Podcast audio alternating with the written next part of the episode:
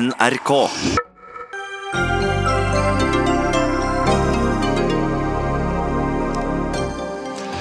I går Morna Jensen, i dag vel møtt hverdagen som venter. Saken som KrF-leder Kjingolf Ingolf Ropstad løftet høyest da partiet skulle inn i regjering, nemlig innstramming på fosterreduksjon, står allerede i spill. Arbeiderpartiet varsler omkamp, og kan få viljen gjennom i en lovteknisk finte. Spekulasjonene er i full gang. Hvem skal erstatte FrPs utgående statsråder? Det kan bli comeback for Knut Arild Hareide, men hans eget parti er uenig med seg selv. Kan den hjemhentede IS-kvinnen kalles terrorist når hun fortsatt kun er siktet? Debatt i Dagsnytt 18. Og i dag snakket både Trump og Thunberg på det økonomiske toppmøtet i Davos, men det virket som de befant seg på hver sin klode.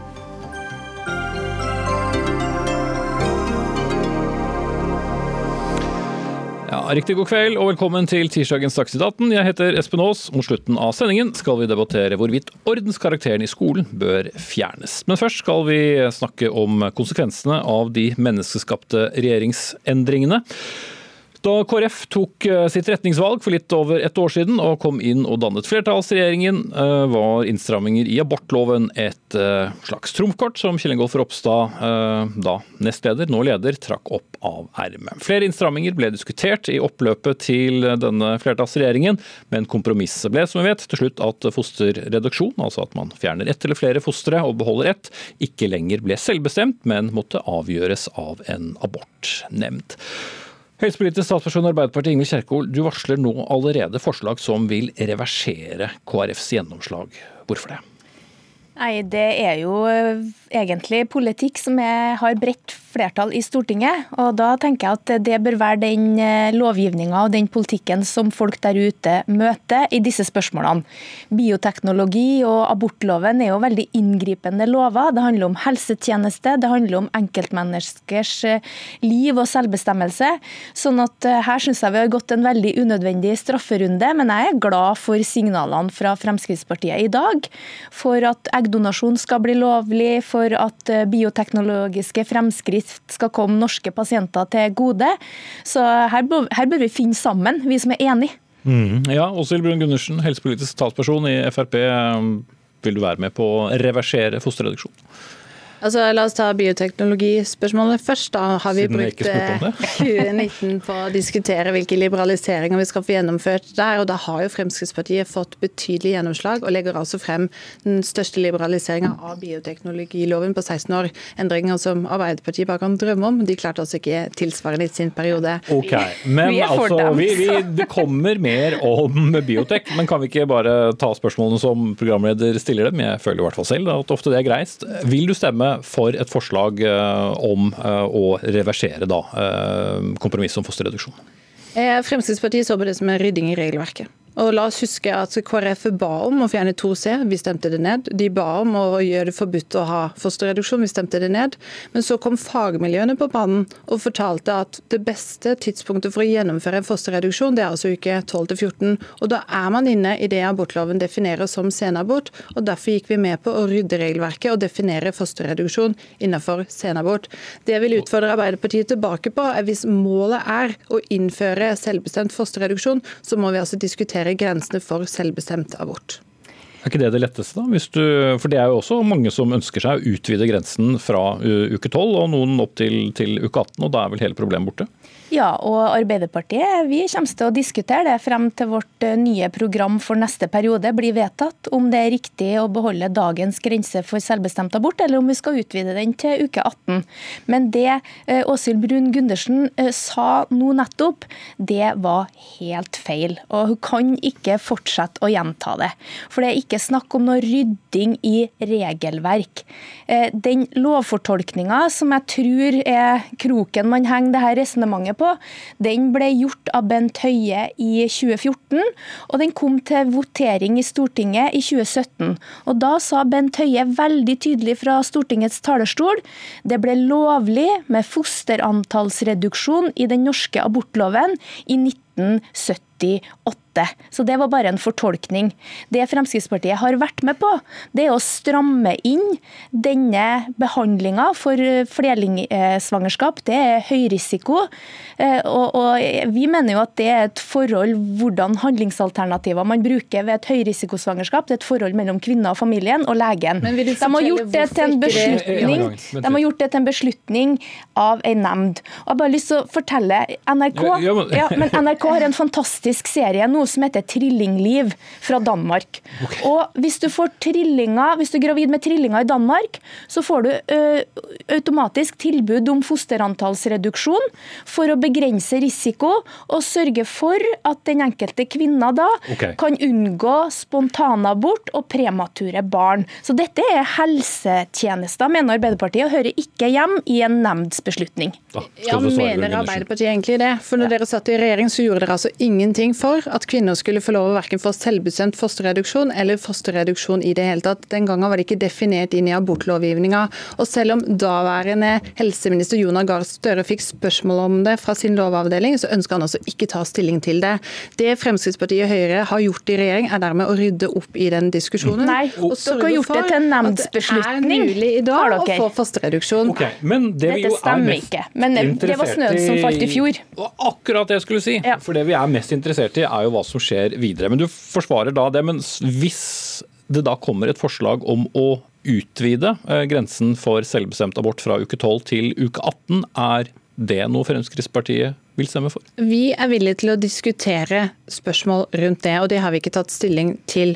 Men la oss huske at fosterreduksjon gjennomføres i uke 12-14. Det er medisinsk begrunna, fordi det tidspunktet det vil føre til minst eh, risiko for det gjenlevende fosteret og for mor. Og Hvis man kan være enige om at fagmiljøene er i hvert fall nødt til å gjøre fosterreduksjonen på det tidspunktet det er mest forsvarlig å gjøre det, så kan man diskutere grensene for selvbestemt abort etter det. Og Den diskusjonen legger jeg merke til at Arbeiderpartiet ikke er villig til å ta, og da får vi heller avvente til de eventuelt mm. kommer til å bli klar for det. For det første så har Helsetilsynet, når Jonas Gahr Støre var helseminister, slått fast at det er begjæringstidspunktet for en abort som gjelder når du vurderer selvbestemmelse. Så hvis man ville ha fosterantallsreduksjon før uke tolv og begjærte det, så fikk man det, og så ble ble selve prosedyren utført etter det. Så det var helt ordna opp i. Men nå er det jeg som snakker. Nå er det jeg som snakker. Nå er det jeg som snakker. Og Åshild Brun Gundersen hun har uttalt seg om endringer i abortloven fra Stortingets talerstol. Hun har sagt at den eneste endringa i abortloven hun kan være med på, det er en liberalisering. Hun har stemt for en innskrenkning, sånn at flere kvinner må møte inn nemnd nå enn tidligere. Så det er stikk i strid med hva man sier. Men tilbake til utgangspunktet. Hvis det da blir en utvidelse av selvbestemt abort, så er du da også enig også i at da vil også denne hele nemndordningen for fosterreduksjon ikke lenger ha noe, noen hensikt? Ja, så vårt utgangspunkt, ja, ikke sant? For Vårt utgangspunkt har jo ikke vært å nekte kvinner fosterreduksjon hvis de ønsker det, men at det gjøres på det tidspunktet det er medisinsk mest forsvarlig å gjøre det. Og Når fagmiljøene sjøl sier at det er jo ikke 12 til 14, så kan man diskutere det.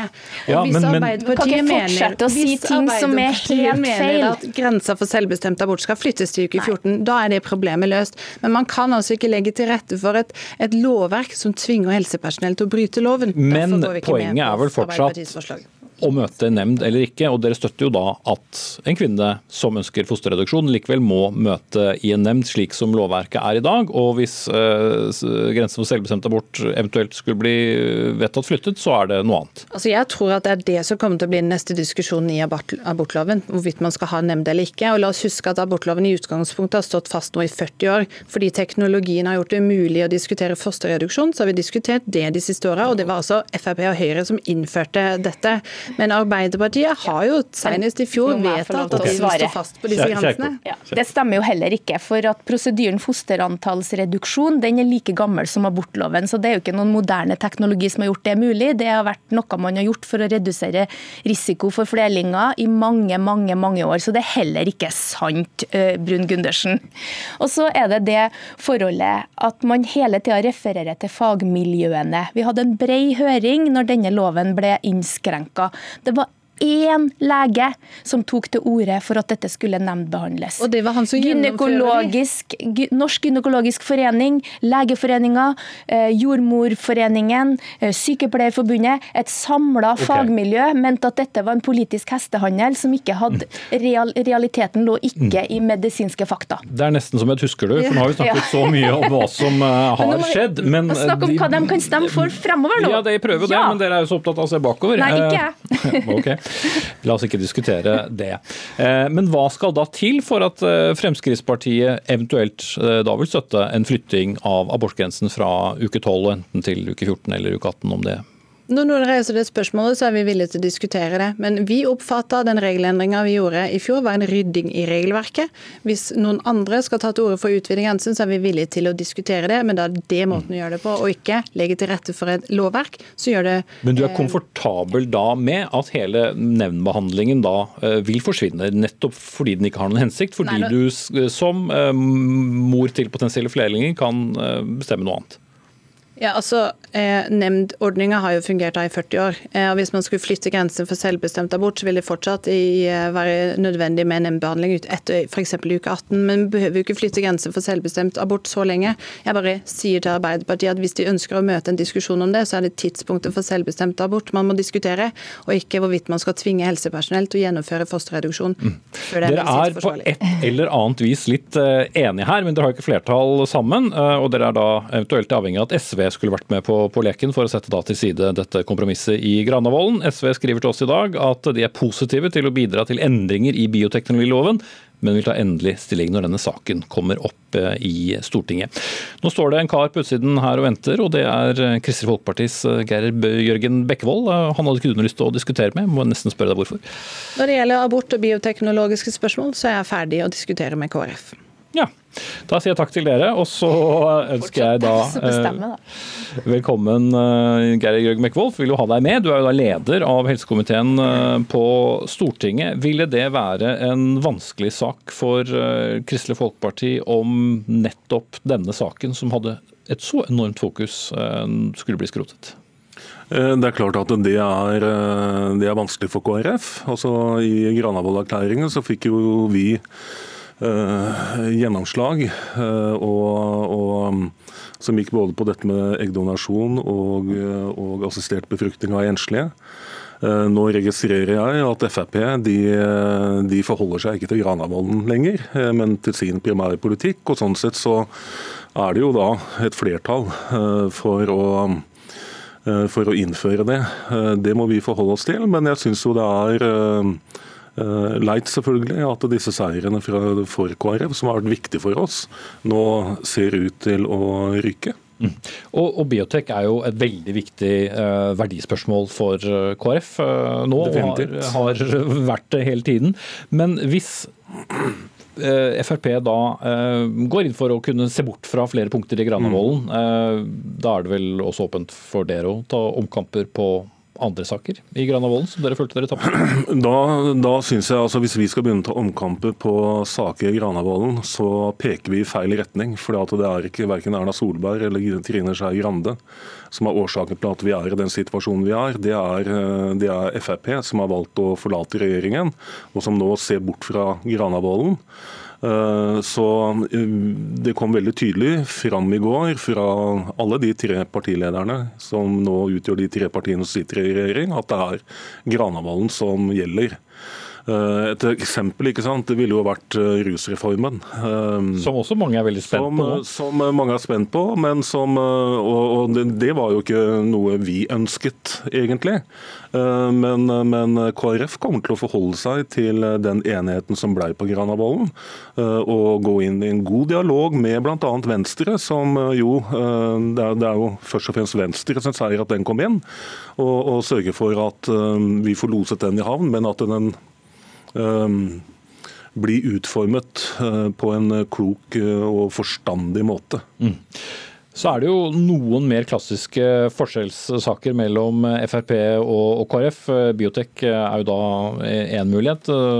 Andre saker handler jo om kvoteflyktninger. Ja, absolutt. Hvorfor er det ikke aktuelt for Kristelig Folkeparti å si at det nå må kunne diskuteres disse sakene på nytt? Jo, men, Hvis du men, tror det ligger et flertall i, i Stortinget der? Kristelig Folkeparti har jo uh, i Granavolden fått en, en Eh, en seier i at vi nå har 3000 kvoteflyktninger. Eh, det var ikke Frp som ba om det, for å si det på den måten. Eh, så vi, vi holder fast på det. Og hadde det vært en omkamp om dette, så ser ikke jeg bort fra at KrF hadde ønsket å fremme forslag om 5000, som jo er Høykommissæren for flyktninger sin anbefaling.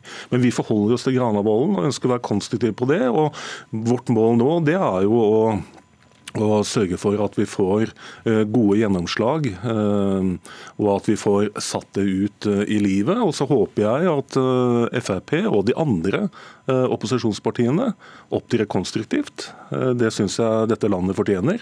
Og at ikke alt bare skal handle om et spill, og at man nå liksom skal holdt å si, straffe KrF for å ha fått gjennomslag for viktige saker for oss i Granavolden. Så i hvert fall Foreløpig så er konklusjonen at dere forholder dere til Granavolden, til tross for at eh, noen som går ut av regjering kan finne på å ikke gjøre det? Det gjør vi, og, og også fordi at i Granavolden så fikk KrF veldig mange gode gjennomslag.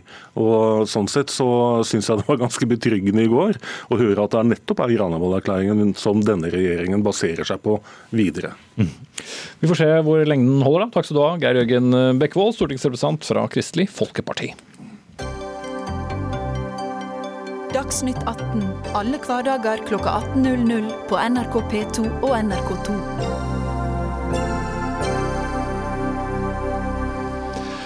Og når eh, noen skal ut av eh, regjering, så skal eh, i hvert fall plassene etter dem fylles opp og flere fylkeslag i nettopp Kristelig Folkeparti ønsker seg Knut Arild Hareide, den avgåtte lederen, inn i regjeringen. Det viser iallfall en rundspørring som VG gjorde.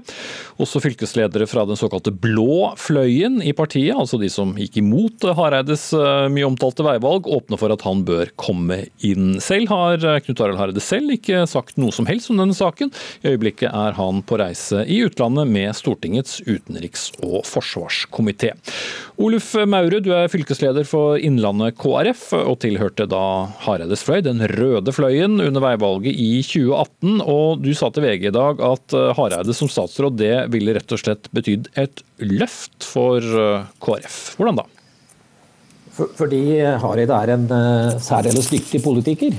Og det er klart Med den historia KrF har bak seg nå, så med et splittet parti som gikk inn i regjeringa sammen med, med Fremskrittspartiet, Høyre og Venstre, så, så, tror jeg det vil være veldig bra at han kom inn med den erfaringa og den kunnskapen. Han vil virke samlende i en sånn regjering som vi går inn i nå. Men Skulle han være med å regjere på en plattform som han var imot?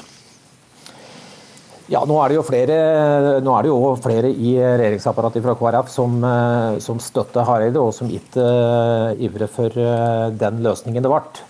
Uh, så, så det er, men det vi kan si, det er jo at denne regjeringen som blir nå, det er jo den som KrF gikk til valg på i 2017. Det var jo det primære standpunktet vi hadde i 2017. Men en litt annen uh, regjeringsplattform vil du sikkert være enig i. Randi Walderhaug Frisvold, du er fylkesleder for Møre og Romsdal uh, KrF, fylkestingsrepresentant der, og tilhørte da den blå fløyen under uh, dette berømmelige veivalget. Du er for all del ikke negativ til å få inn Hareide i regjeringen, men han er heller ikke ditt førstevalg? Nei, jeg tenker at uh, Knut Arild Hareide hadde gjort det veldig bra i denne regjeringen her. Og uh, det kan jo være tema nå som Frp har gått ut av uh, regjering. men mitt førstevalg det er å få Steinar Reiten inn. Møre og Romsdal sin Steinar Reiten inn, og, da helst som fiskeriminister. Mm. og jeg tenker også Hans Olav Syversen som finansminister. Det tror jeg også hadde vært veldig bra. Han eh, var tidligere leder i finanskomiteen og jurist, og han, jeg vet han vil også gjøre en veldig god jobb der. Nå vet vi jo selvsagt ikke hvor mange nye statsråder Kristelig Folkeparti eventuelt eh, vil få. Det er jo et, eh, et, regnskap som de tre partilederne utgjør selv, men mengder vil det jo ikke være. Men hvis begge de to går foran, så, så ser jo ikke du da for deg uansett noen Knut Arild Hareide inn i denne regjeringen? Ja, nå er ikke det jeg som skal avgjøre dette, her, men jeg sier ikke nei til Knut Arild Hareide. Han er en flink og dyktig politiker som jeg og veldig mange er glad i. og Han er godt likt i hele partiet og utenfor partiet. Så, eh, men eh, jeg, eh, førstevalget mitt det blir Steinar Reiten. Mm. Eh, Maurud, hvordan tror du statsminister Erna Solberg ville sett på og fått inn en mann som jo egentlig ville felle henne og sette inn en, en rød-grønn eller en rød-grønn-gul regjering i stedet? Nei, Det er jo selvsagt et spørsmål, da men, eh, men, nå er jo situasjonen eh, en annen. Nå er jo Fremskrittspartiet ute, og derfor er jo situasjonen eh, annerledes. Så hun var jo ikke noe negativ til det som vi sa i 2017, så det, vi er jo på en måte tilbake på det stadiet som vi var før valget i 2017. Men det store spørsmålet, eller ikke det store nødvendigvis, men ett stort spørsmål er jo selvfølgelig hva Knut Arild Hareide selv ønsker. Og vi har ikke fått noe svar fra ham eh, i dag. Eh, hva tror dere selv? Åpent spørsmål til både deg, Mauru, og etterpå Frisvold. Nei, Jeg er jo veldig usikker på det, og det har jeg sagt til media i dag òg. At jeg er veldig usikker på hva han, eh, han, tenker om det. Han har jo signalisert at han skal eh, ut av Stortinget ved valget. og så, som sagt så er jeg veldig usikker på om han eh, ønsker å gå inn i regjering, men hvis han ønsker det, så tror jeg det hadde blitt et eh, løft for KrF og det er regjeringsprosjektet som vi er med på nå. Mm. Og Hva tror du i Ålesund, Frisvold? Ja, jeg tror at Knut Arild Hareide hadde kunnet samle partiet, rød og blå, at oss ble mer samla. Eh, men jeg diskuterte det litt med han når hun sto midt oppe i retningsvalget, og jeg oppfatta det sånn at det ikke var tema. Men det er klart nå når eh, Frp har gått ut av regjering, så er det et åpent spørsmål. Samtidig så gikk eh, Knut Arild veldig høyt på banen i, i retningsvalget, og brukte veldig mye politisk kapital på det.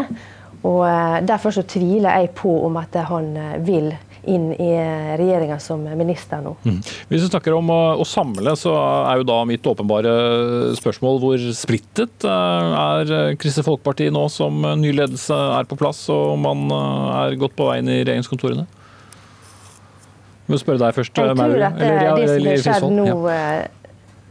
Eh, ja, Det som har skjedd nå, det tror jeg eh, er med å samle partiet. Og jeg oppfatter i hvert fall her i fylket at det veldig mange er veldig positive til eh, det som har skjedd nå, at eh, Frp har gått ut av regjering. Det blir tøft på Stortinget, men det blir også en lettere jobb i regjeringa, sånn som jeg ser det. Men for KrF sin del så er dette her drømmeregjeringa. Maru? Ja, nei, Jeg er enig i det Randi sier. Det er, det er, veldig mange som er positive til det som har skjedd nå. Så, så det, det, det tror jeg blir bra. Jeg vil ha svar på et siste spørsmål fra dere begge. og Det er egentlig hvilke statsrådsposter er nå viktig for Kristelig Folkeparti? Enten da også beholde øh, og, og få ekstra. og Siden jeg har deg på tråden nå, Maurus, så kan du få begynne. Nei, altså det, det, er jo viktig at vi får beholde de tre departementene vi har. Eh, det er viktig, og så er det jo, er det jo mange, mange departement som er, kan være viktige for, for KrF. Men jeg tror ikke vi skal spekulere i hva vi skal nå forstå. Det er en kabal, det er en veldig stor kabal, dette her med folk som skal inn, og kjønn og geografi og, og det hele. Så jeg tror ikke vi spekulerer mer, men det er viktig at vi får beholde de departementene vi har per i dag. Mm. Hva mener du, Frisvold? Ja, jeg tenker De tre oss har i dag er viktige, men jeg vil også løfte fram fisk, fiskeri og så eh, Finansdepartementet. Men jeg vil også løfte fram Ingelin Noresjø i nord, som er en veldig dyktig dame, som kanskje kunne tatt noe med kommunal. Ja. Eh, men eh, det er ikke oss som skal avgjøre dette her. Det er ikke det. Eh, det er det helt andre som skal gjøre. Takk skal dere ha, Randi Valderhaug Frisvold, fylkesleder i Møre og Romsdal KrF, og Oluf Maure, fylkesleder i KrF Innlandet.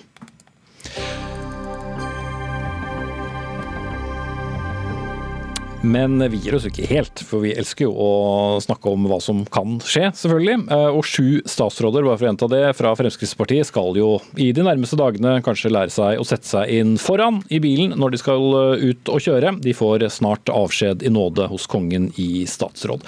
Og I dag hadde de tre gjenværende partilederne sitt første møte for å diskutere veien videre. og Regjeringen trenger iallfall en ny finansminister, justisminister, transportminister og fiskeriminister. Kanskje blir det også noe noen interne bytter. Det er jo som mange husker et rekordhøyt antall statsråder i den, denne regjeringen. 22 i tallet. Det er jo ikke gitt at det blir så mange fremover. Og først eh, politisk kommentator her i NRK Magnus Takvam. Eh, et drøyt døgn siden FrPs exit eh, ble kjent. Vet vi også noe om hvordan det blir å være mindretallsregjering på, med støtte fra Fremskrittspartiet fremover? Det vet vi selvfølgelig ikke, men eh, det, det, jeg er mest, aller mest spent på, er hvordan Fremskrittspartiet i den nye rollen de har, kommer til å opptre. Det er klart Siv Jensen eh, markerte den første dagen lojalitet overfor eh, den regjeringen som ble sittende igjen etter seks og et halvt år. Men det er opplagt andre i partiet som vil ha en mye mer uforsonlig linje. Og, og, så spørs det hvem som da vinner den skal vi si, maktkampen etter hvert. Eh, det som kan bremse de som er mest skal vi si, eh, uforsonlige her, er selvfølgelig at i og med dette bruddet med, med, med flertallsregjeringen, så har man fått eh, skadet forholdet til sentrumspartiene. Skulle man finne på å bidra til å velte også denne regjeringen, så ødelegger man fra FrPs side også forholdet til Høyre. sånn at det skal tross alt en del til. Eh, den tanken at de kan bidra til å felle en regjering. Men den usikkerheten ligger der, føler jeg. Tone Sofie Aglen, politisk kommentator i VG. Meldingen fra statsministeren er jo at en regjering, eller en ny statsrådkabal skal være klar før uh, januar er historie, så vi har noen dager uh, på oss. Men det er vel ikke gitt at det, det, bare skal erstattes de som går ut, kanskje? Det kan være flere store endringer på gang, hvis vi ser hele regjeringen under ett? Ja, vi vet jo at eh, Erna Solberg har varsla at det vil komme en fornyelse. Så tror jeg nok at eh, Frp sin exit kommer ganske ubeleilig, både for Høyre og ikke minst for eh, Venstre. For det foregriper veldig de lederdiskusjonene som er i partiet. Men jeg vil jo kanskje tro at når man må gjøre så store endringer nå, at uh, i alle fall Høyre, men kanskje også Venstre, kommer til å gjøre de endringene som de hadde sett for seg å gjøre kanskje mer utpå vårparten. Mm. Ja, det er kanskje det som ligger litt under, at de har varslet at de kommer til å bruke litt mer tid. Det ser ikke ut som det blir noe statsråd med noen endringer med det første. Skal vi forsøke oss bare å ta litt parti for parti, og hvis vi da begynner med Høyre, som du snakker om. Eh, Aglen, her eh, vet vi jo at vi har en helseminister som skal bli fylkesmann. Vi har en eh, kommunalminister som ønsker seg hjem til, til Bergen. Kan vi se for oss mange endringer og interne rokeringer? Ja, Det som er liksom Venstre, nei, Høyre sin store utfordring, er jo at uh, Erna Solberg har jo et lag som har sittet veldig lenge. Det er veldig sånn solide statsråder som har tjent uh, Høyre godt. Men utfordringa er jo at uh, mange av dem er jo på vei ut av politikken når de ikke lenger sitter i regjering. Og jeg tror mange Høyre er opptatt av å ikke gå den såkalte Stoltenberg-fella, hvor han holdt seg med, med, veldig sånne erfarne statsråder som han kjente godt, hadde høy tillit til men, men når regjeringa da gikk av, så var Stortinget ganske sånn tappa for eh, personer med mye erfaring. Eh, og så vet vi at Høyre har lyktes veldig godt med å ha ganske mange unge, dyktige folk eh, på Stortinget som kan være aktuelle navn. Men så tror jeg nok også at med en tøffere tone med Frp i opposisjon vil nok gjøre at Erna vil nok være opptatt av at det er erfaring der. Og så er det en ekstra dimensjon i Høyre, og det er et lite sånn distriktsopprør på gang. Så jeg tror nok mange vil også være opptatt av at man får en bedre representasjon fra distriktene. Du skal ikke lete lenge rundt omkring i dag for å se folk som mener at det må komme inn eh, flere statsråder fra den og den landsdelen og osv. Men eh, hva tror du, Magnus, blir det, vil vi se kjente statsråder på nye tabretter? Jeg det er eh, en diskusjon i Høyre. Vi vet jo ikke hvordan Erna Solberg tenker eh, om hvor omfattende og radikal eh, rokade hun skal gjøre i sitt eget parti. Det, er, det, er, to liksom, hensyn hun må ta. Det ene er eh, fornyelsen. Altså denne regjeringen, den, for, den, som på en måte nå eh, er i omdanning, var jo, skapte jo ingen begeistring. Det har liksom blitt gjentatt til det kjedsommelige. og Ergo så er det også et behov fremdeles for den typen fornyelse. Men samtidig så, så gjør den nye, litt krevende situasjonen i Stortinget at det er en del som sier at eh, da må vi leve med å redusere litt på fornyelsen og, og satse på rutine og erfaring. Og det er også slik at en del av de yngre Høyre har jo et eh, sjikt av yngre eh, talenter som etter hvert kommer til å komme inn i topposisjoner. Mm. Eh, Noen spesielle navn? vi bør ja, Asheim og Tina Bru. og En del peker jo på at de da i Stortinget også trenger gode forhandlere om budsjettet. Eh, Henrik Asheim er et eksempel på det. Så det er ikke åpenbart at han mm, Som i dag leder finanskomiteen. Ja. Ehm, så har vi jo Venstre, som eh, du nesten begynte å snakke om, eh, Aglen. For de har jo da eh, kultur- og likestillingsminister Trine Skei Grande, miljø- og klimaminister Ola Elvestuen og høyere utdanningsminister Iselin Nybø. Og så er det en voldsom diskusjon og en lang rad med mulige lederkandidater som skal stemmes opp på et landsmøte. Hvordan virker det inn på dynamikken der, hvis de skal utvide? For det er jo, det er jo noen lederkandidater som mange mener også kunne være flinke statsråder. Ja, det er nok det. Og eh, Trine Skei Grande er nok den som har den aller vanskeligste jobben. For det blir nok litt gærlig uansett Eh, hva hun gjør. Hun kan jo på en måte velge liksom det trygge og satse på f.eks. Eh, nestleder Terje Breivik, eller en som ikke vil eh, bli oppfatta som en utfordrer. Men jeg tror nok at ropet etter fornyelse i Venstre er veldig høyt nå. Også fordi man oppfatter at statsrådene i dag er litt for anonyme. Så er det en utfordring at uh, begge de to som regnes som de liksom tydeligste utfordrerne til Trine Skei Grande, Abid Raja og Sveinung Rotevatn, at hvis du på en måte peker på én av de, så kan det på en måte bli oppfatta som en favorisering eller å foregripe uh, begivenhetene. Men så har du også en sånn annen dimensjon som handler om at hva, hva, tjener Trine Skei Grande sjøl på dersom hun ønsker å, å, fortsette som partileder? Da kan det jo være en fordel å ha utfordrerne nær på seg i regjering. Og så i Venstre så er det også veldig mye snakk om denne Oslo-dominansen, og mange vil være opptatt av at uh, man ikke skal ha så mange statsråder fra Oslo og Akershus. Og det er allerede en utfordring for Venstre. Mm. Hva med partilederen selv? Hun er jo veldig glad i å være kulturminister, som eh, vi vet, men det er jo også en mulighet for henne å kreve et tyngre departement? Ja, jeg, jeg, Mitt inntrykk er at hun trives som kulturminister og eh, gjerne vil fortsette med det. Eh, vi får se. Men det er klart, eh, jeg er enig i at Venstres kabal er den absolutt mest krevende. Og du får ulike svar alt ettersom hvem du snakker med i de ulike miljøene i partiet. Uh, det minst kontroversielle, eller det, det, det, enkleste valget, er, ville vært å beholde de tre statsrådene man har, og så ta en ny inn som ikke er del i denne lederkampen.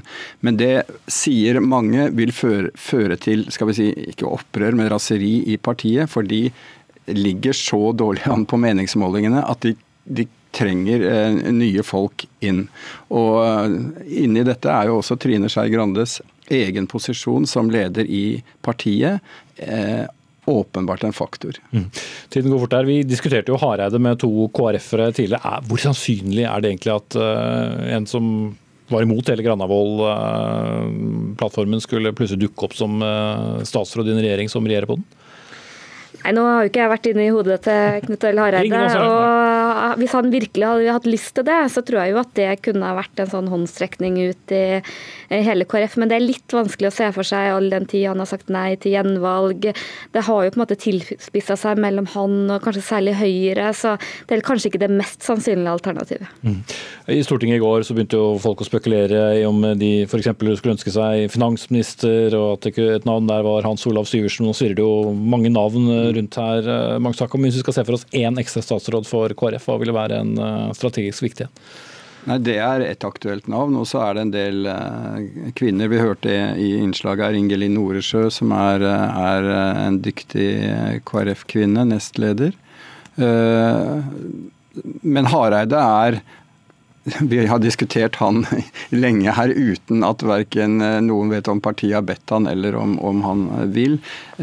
Så det tyder vel kanskje litt på at de, de mangler eh, veldig mange å velge mellom. Men jeg utelukker ikke at han kan ende opp i, i, i regjeringen. Vi får se. Mm. Iallfall før eh, kalenderen viser 31. januar, kanskje 1. februar, så er det vel duket for opptil flere nye statsråder og masse blomsterbuketter på Slottsplassen. Takk til Tonsfie Aglen fra VG og vår egen Magnus Takvam.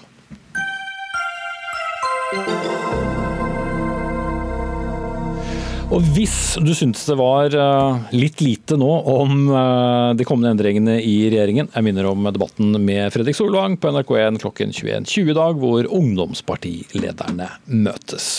Men nå skal vi snakke om den saken som langt på vei jo er foranledningen til eh, alle disse diskusjonene, nemlig den 29 år gamle såkalte IS-kvinnen som ankom Norge før helgen og hun er også en kvinne som flere politikere, deriblant justisminister Gøran Kalmyr og olje- og energiminister Sylvi Listhaug og flere stortingsrepresentanter har omtalt som terrorist.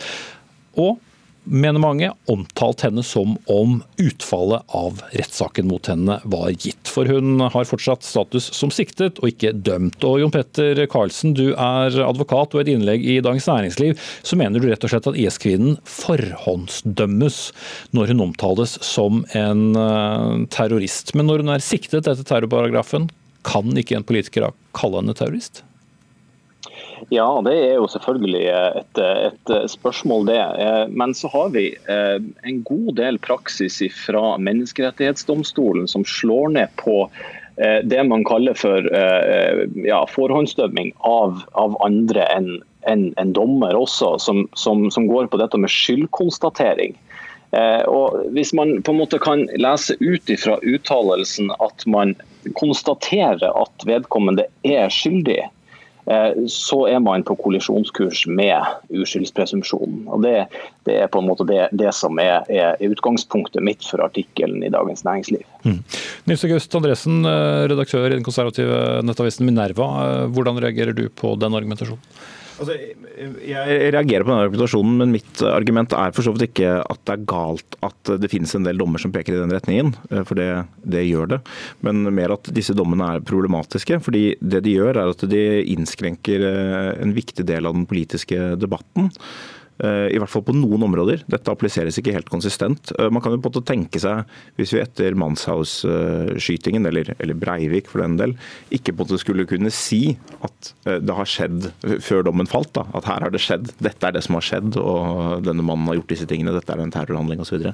så ville det vært veldig vanskelig også å ha en politisk debatt. og Hvis da de aller mest sentrale politikerne skulle være avskåret fra å delta i dette pga. uskyldspresumpsjonen, så ville de få en svært vanskelig situasjon. Men hvis du litt mer mer om eh, handlingene til Manshaus og, ja. og Breivik ut fra vitner. Her uh, gjenstår det vel kanskje en del etterforskning? Absolutt, så det er forskjell på sakene. Men jeg vil også si når det gjelder eh, ordet terrorist, så, som var fremme, det var noe Siv Jensen også sa i Politisk kvarter, så er det på en måte også det at Argumentet er at hvis man kan lese ut av en uttalelse at vedkommende er skyldig, så er det brudd på uskyldspresumpsjonen.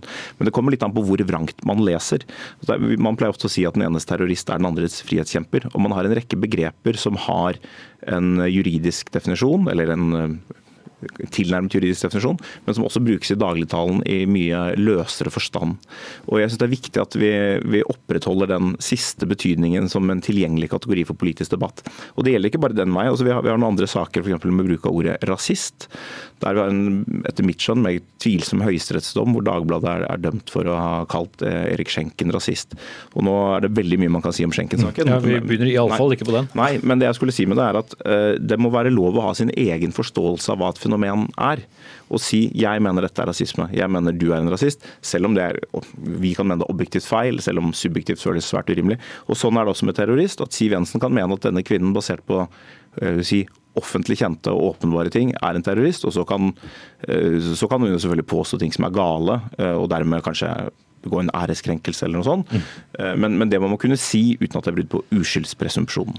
Ja, for Carlsen, selv om vi som nevnt ikke vet hva kvinnen har gjort, så vet vi hvor hun har vært, og vi vet veldig mye om hva dette terrornettverket IS har holdt på med. og Det skulle vel noe til å ikke få med seg det når man er der over så lang tid. Så hvor galt er det da at dette begrepet brukes?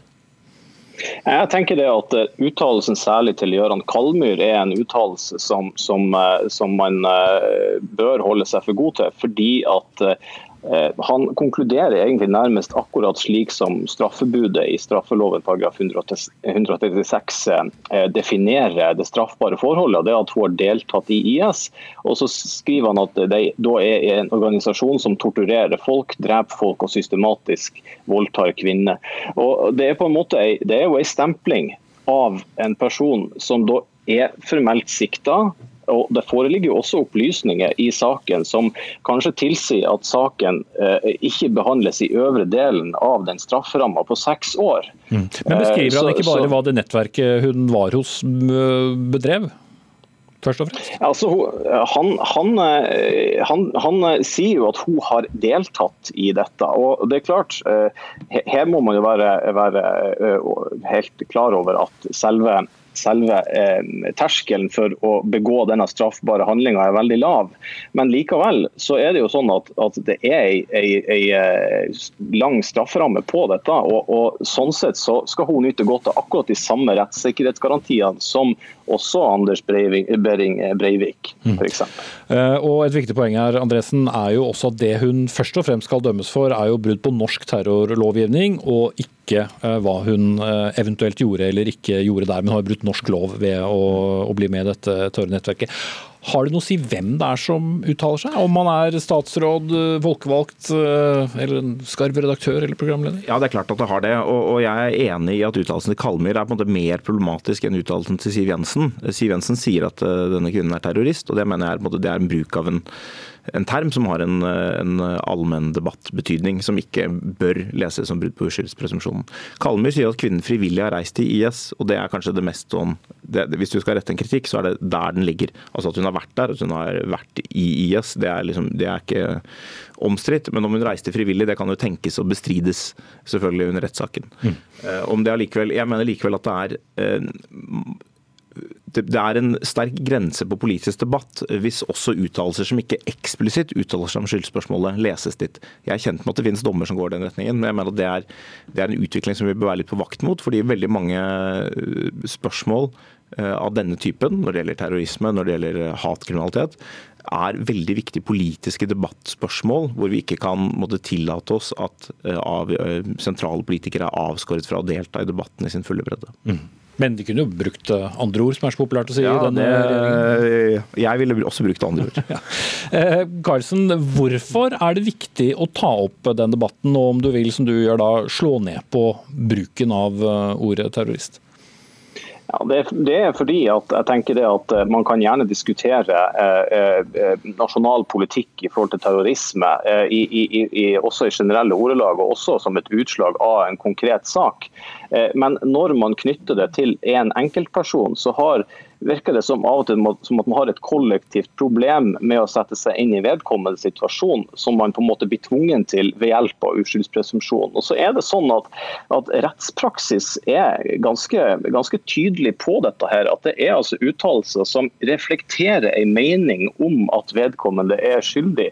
Og Det er diskutert bruk av håndjern f.eks. under straffesaker. Og på Rett 24 så er det nå en, en artikkel om at Putin så vidt slapp unna en, en, en avgjørelse avgjørelse imot seg eh, i, i menneskerettighetsdomstolen. Så, så jeg, jeg, kan ikke se at vi på en måte skal på en måte åpne opp eh, for en politisk debatt i sånne her konkrete saker som går på en enkeltperson, helt, eh, helt kun fordi at man skal kunne diskutere eh, terrorisme. Mm. Men det er ikke en forhåndsdømming, Andresen? Altså, jeg mener at det ikke er det. Han sier ikke at hun er eh, skyldig. Nå sa du nettopp at Putin slapp unna i Strasbourg, hvis jeg forsto det riktig. og det, det, er ikke alltid sånn at vi må være lengst mulig fra den juridiske grensen, fordi det er hensyn som skal veies mot hverandre. Så ofte bør vi ligge ganske nær en sånn grense. Vi bør si omtrent så mye vi kan si uten at det faktisk faktisk er brudd på uskyldspresumpsjonen. Og, og jeg er enig at Kalmers uttalelse den, er, den nærmer seg absolutt grensen. Mm. Som jeg pleier å si, Han er ikke i studio, så han kan ikke forklare det ytterligere, men har nå skrevet det han har. Mm. Jeg må faktisk sette strekk, mine herrer. Takk til Nils Gaust Andresen, redaktør i Minerva, og Jon Petter Karlsen, advokat. Hør Dagsnytt 18 når du vil.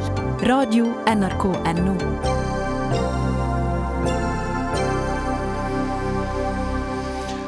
Ja, klokken den er straks 18.44, og senere i sendingen skal vi høre en lektor si at karakteren i orden og oppførsel det er en dinosaur fra fortiden, og hun møter Høyre, som vil beholde karakterene til debatt. Og tja, orden og oppførsel kan eh, kanskje brukes nå også. Vi skal eh, til langt eh, kaldere steder enn dette studioet, i hvert fall.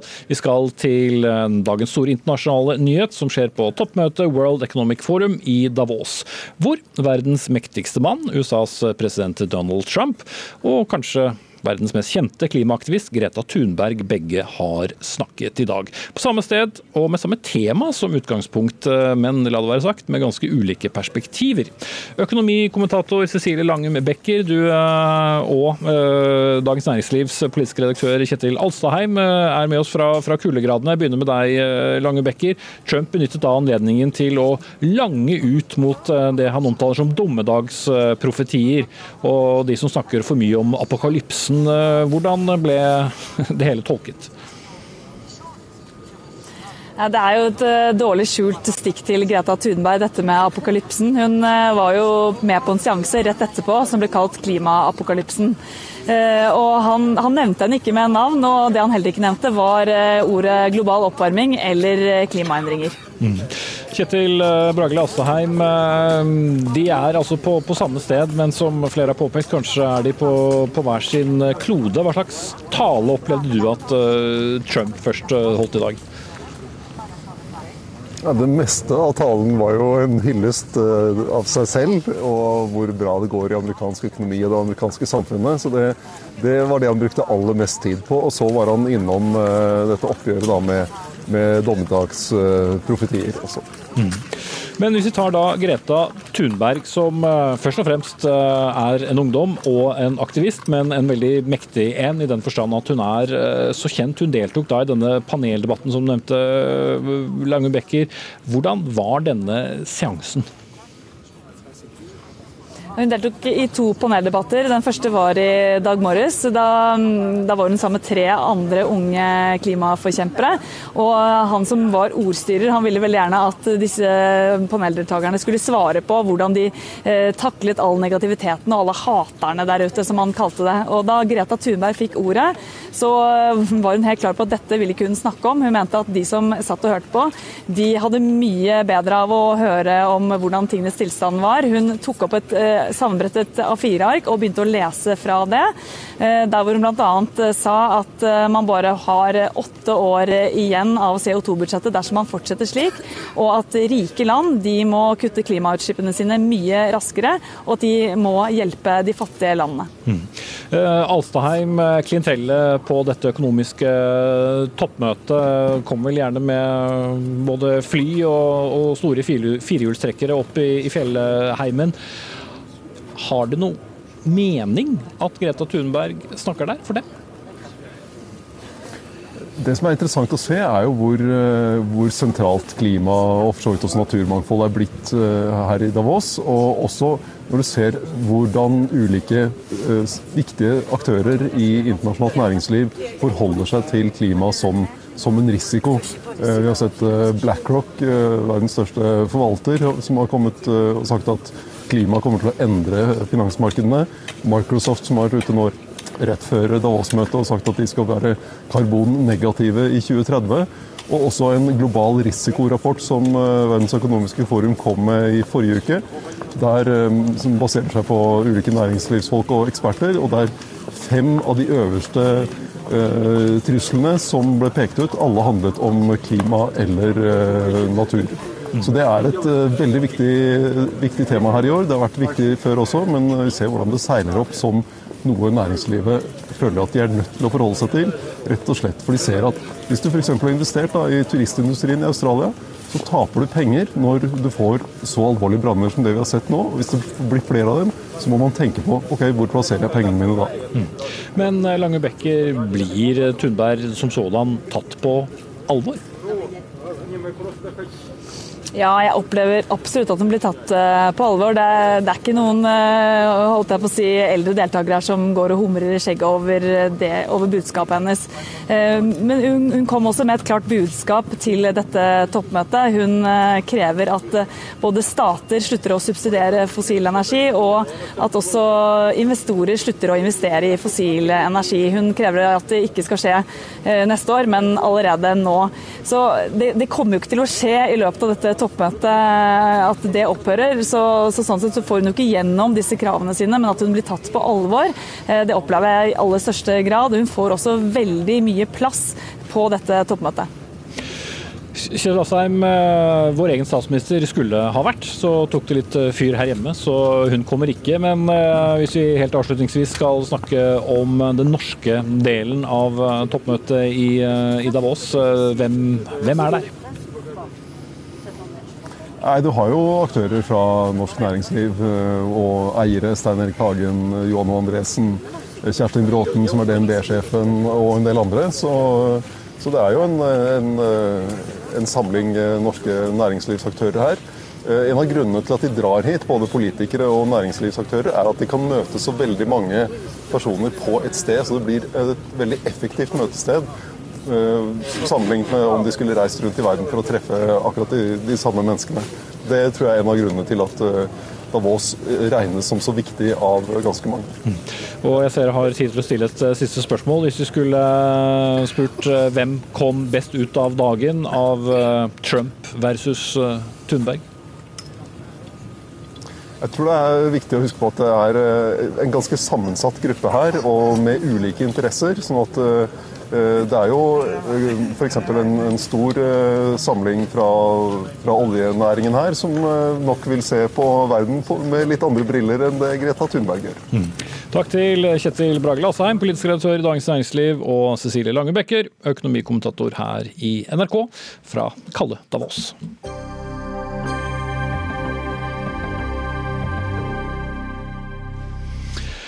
Dropp karakteren i orden og oppførsel med et lite utropstegn. Vi terper på rutiner og systemer for god orden, men karakteren virker mot sin hensikt. Ja, den som har skrevet det i et innlegg i Bergens Tidende er deg, Linda Eide Onarheim, lektor ved Erdal ungdomsskole.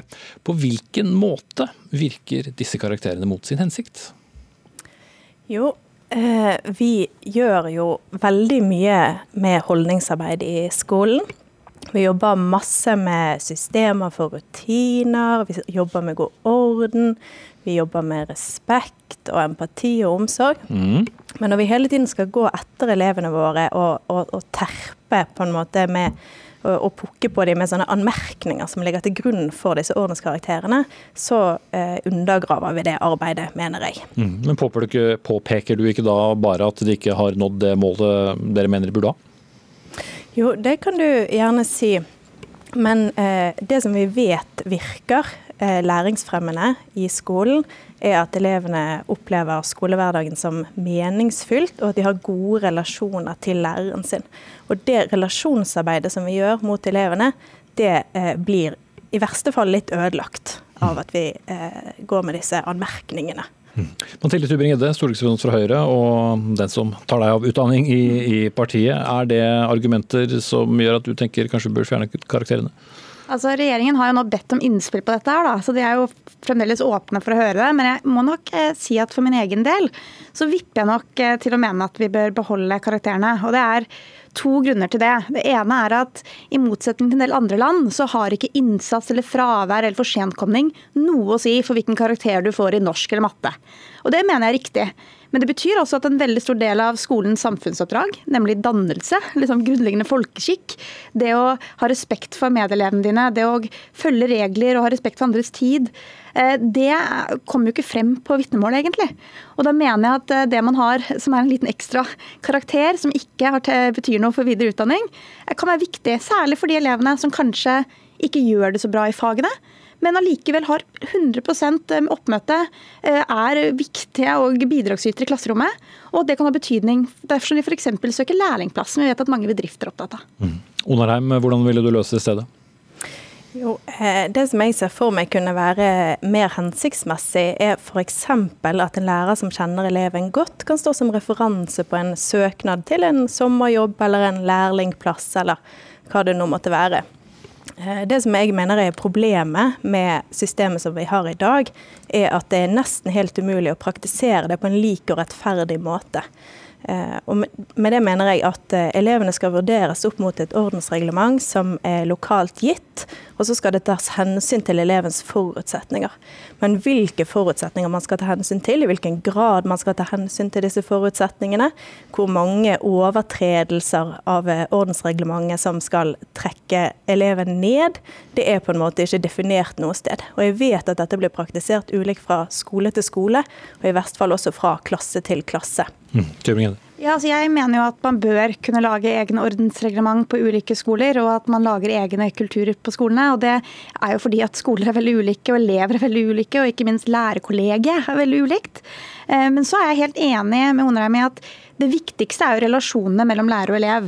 Og Vi er ikke, vi er ikke der hvor vi var liksom på 70-tallet og tenker på autoritet. At det å liksom stå ved tavla og kaste folk på gangen gang de lager bråk, at det er autoritet. Mm. Men hadde du samme karakteren da som nå? Det hadde man, men det er jo ett av flere verktøy i verktøykassa. Og jeg tror elever motiveres av ulike ting. Noen elever tror jeg motiveres litt av den der De står opp fem minutter tidligere, de tar en tidligere buss for å slippe å komme for sent. Fordi de vet at ja, de har respekt for læreren, men de kan også ha orden og oppførsel. Eh, mens for andre så er det selvfølgelig ikke så enkelt. og Da må læreren også ha bedre dialog og snakke med elevene. Mm.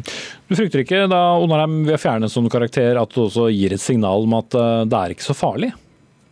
Nei, absolutt ikke. Eh, jeg mener ikke at vi skal slutte å jobbe med god orden og oppførsel i skolen. Tvert imot.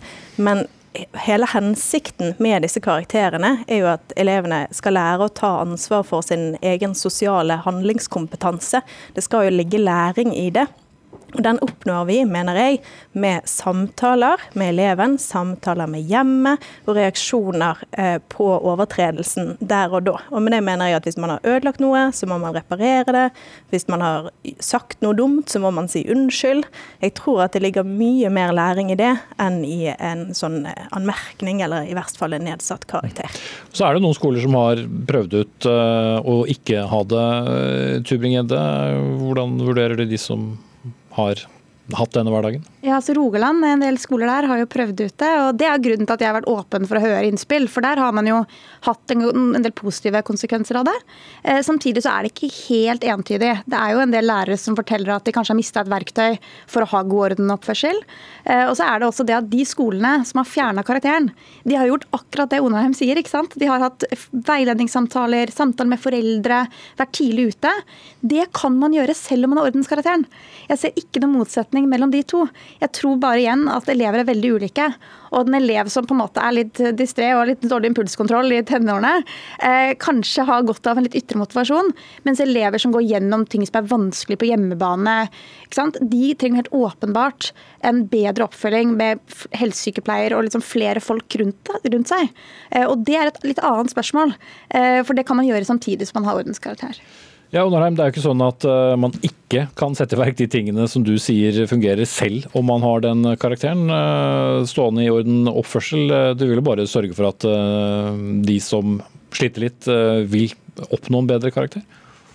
Ja, nei, jeg er litt uenig i det. For um Eh, når jeg bruker mye tid på å skape gode relasjoner til elevene mine, eh, og støtte de i å ha en positiv utvikling når det gjelder orden og atferd, eh, og så likevel så setter jeg ned ordenskarakteren til jul, for det må jeg jo for å være på en måte lojal mot det systemet vi har, så sender jeg ut veldig sånn tvetydige signaler til den eleven.